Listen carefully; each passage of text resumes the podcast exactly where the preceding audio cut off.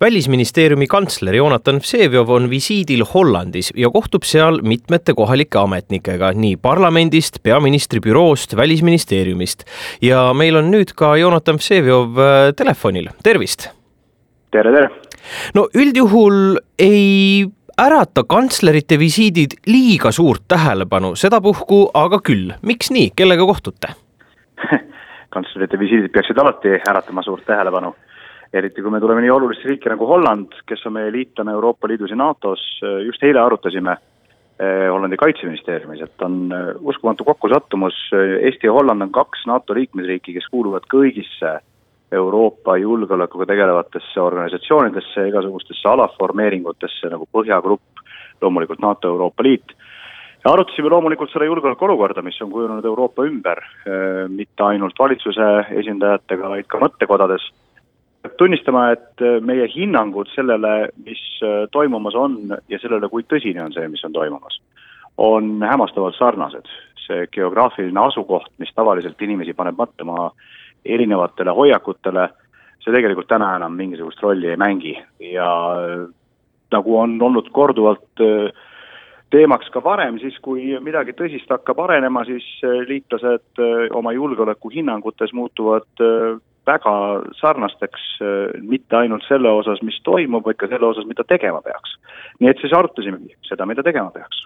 ja milleni te jõudsite, mis siis on see, mida, mida tegema peaks? Äh, pragmaatilised on hollandlased loomulikult ja meie tunneme ka uhkust selle üle, et me oleme pragmaatilised ja põhilised kolm mõtet, mida nii meie kui minu vestluspartnerid äh, rõhutasid, on tähtsuse järjekorras isegi ma võiksin öelda, järgmised, kõigepealt absoluutselt esmatähtis sellises olukorras, nagu me täna oleme, on hoida liitlaste ühtsust. me oleme väike riik, meile on see tähtis. hollandlased kinnitasid seda pidevalt kõikidel kohtumistel. mis tahes arutelud Euroopa julgeoleku üle peavad hõlmama kõiki Euroopa liitlaseid ja alles seejärel peaks toimuma vestlus teistega, kellega vestelda on tarvis teiseks me arutasime neid ettepanekuid, mida nüüd ka avalikes kanalites Vene Föderatsioon on esitanud Euroopa julgeoleku arhitektuuri noh, tegelikult olemuslikuks muutmiseks, juhuks kui need peaks heaks kiidetama, on täiesti selge, et jõu ähvardusel ei saa NATO äh, niisugusi järeleandmiseid teha.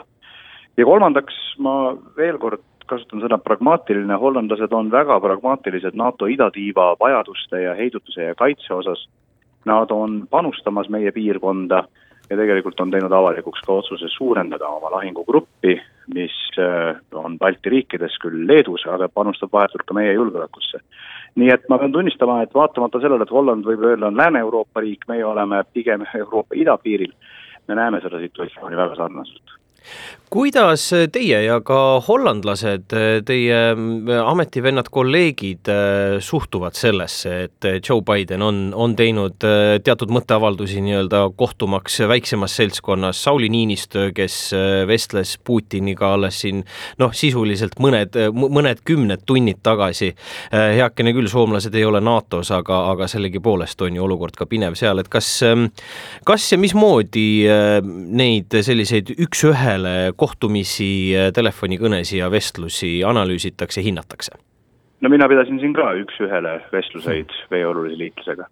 Äh, aktiivse diplomaatia faasis on tavaline see, et kõik suhtlevad kõigiga, me vahetame informatsiooni, me suhtleme ka ameeriklastega erinevates grupeering, gruppides erinevate formaatide kaudu ka kahepoolselt ja arusaadavalt sellises faasis, kus me täna oleme, toodab äh, uudisvoog äh, kohati ka segadust see segadus ei ole meie huvides. meie huvides on kinnitada, et eh, siis, kui asi läheb otsustamiseks, meie seisukohtade paikapanemiseks ja läbirääkimisteks, siis oleme laua taga kõik ühiselt.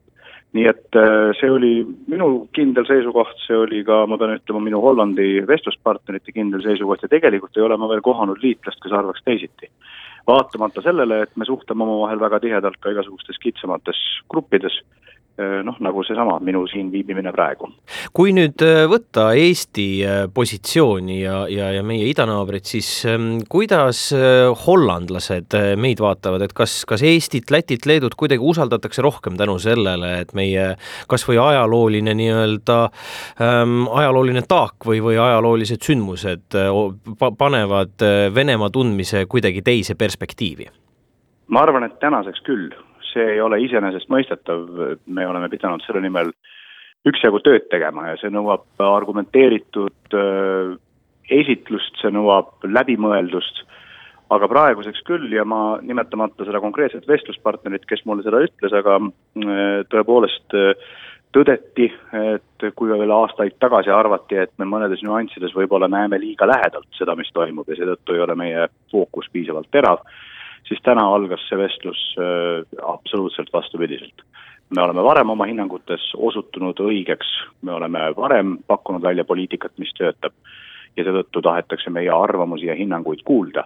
mitte tingimata ei tähenda see seda, et me lõpuks igas nüansis samamoodi äh, asjadest aru saame, aga meie vaadet kindlasti respekteeritakse ja seda ka siin hiljutiste arengute valguses, see hübriidrünnak, mille Valgevene käivitas Euroopa Liidu vastu, selle osas pakkus välja äh, Eesti koos loomulikult teistega, kes seal piirkonnas tegutsevad, aga kindlasti ka Eesti välja selle lahenduse, kuidas äh, Euroopa peaks reageerima, see lahendus on osutunud õigeks. Äh, see probleem ei ole muidugi veel läbi aga seda valdavalt tunnistatakse ka teiste liikmesriikide pealinnades. kui me mõtleme Venemaa, Ukraina ja Hollandi teemadel, siis ei saa me mitte kuidagi üle ega ümber lennust MH seitseteist ehk siis reisilennuki allatulistamisest aastal kaks tuhat neliteist. kas tänaseks on sellest saanud Hollandis või, või hollandlaste jaoks pigemini selline no valus mälestus või püütakse jätkuvalt õiglust jalule seada? See on ikka väga aktiivselt äh, hollandlaste teadvuses olev küsimus, äh, ilma minupoolse vähimagi äh, katseta tõstatada seda küsimust, tõstatasid minu vestluspartnerid nii mõttekodades kui valitsuses seda pidevalt ise. kui näidet, kui olulist põhjust Hollandi tänastele vaadetele, aga ka kui väga aktiivset küsimust, mis loomulikult ei ole veel jalule seatud, nii et see on loomulikult hollandlastel äh, meelel olev küsimus on ka igati arusaadav, terve rida Hollandi perekondi on ilma jäänud oma lähedastest selle lennuki allalaskmise tõttu, see kuhugi loomulikult ära ei lähe. Äh, me rääkisime ka sellest, mis meie jaoks on primaarne julgeolekupoliitikas, loomulikult me avaldame tugevat toetust Ukraina territoriaalsele terviklikkusele, suveräänsusele, aga see, mis paneb inimesi Euroopas oma köögilaudade ümber asju arutades pereringis tõepoolest muretsema esmajoones, on Euroopa enesejulgeolek. ja arusaadavalt, kui hulk Euroopa kodanikke on hukka saanud, siis see küsimus kuhugi ära ei lähe, on naiivne arvata, et ta saabki ära minna, nii et loomulikult see on hollandlastele oluline, see on ka meile oluline küsimus kui teistpidi küsida, kas Hollandis on mingisugune plaan, mingi vaade, kuidas selle asjaga tegeleda? Ma ütleksin, et see vaade on euroopalik vaade, tuua võimalikult palju fakte, asjaolusid avalikkuse ette, kasutada neid institutsioone ja protseduure, mis meil demokraatiatena on paika pandud. ma absoluutselt saan aru, et äh, mõnedes piirkondades või ringkondades tahetakse demokraatiat alavääristada seetõttu, et tema protseduurid on aeglased.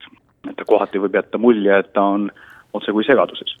me teame, et tegelikult see loomulikult nii ei ole, protsess võib kesta kauem, aga see tulemus, mida ta annab, on seda pöördumatu lõpetuseks äh, loen pressiteatest ka, et te osalete täna uue Eesti aukonsuli madalmaades ametisse nimetamisel. kas äh, tutvustaksite meile pisut äh, mõne sõnaga meie uut aukonsulit? Ma tegelikult kasutan seda nappi aega, mis järgi on jäänud, hoopis selleks, et tutvustada aukonsuleid kui selliseid, sellepärast et aukonsulid on meie nii välispoliitika kui ähm, mm, välismajanduspoliitika üks olulisemaid tööriistu. Holland on Euroopa mõttes suur riik, me tahame olla Hollandis rohkem kohal.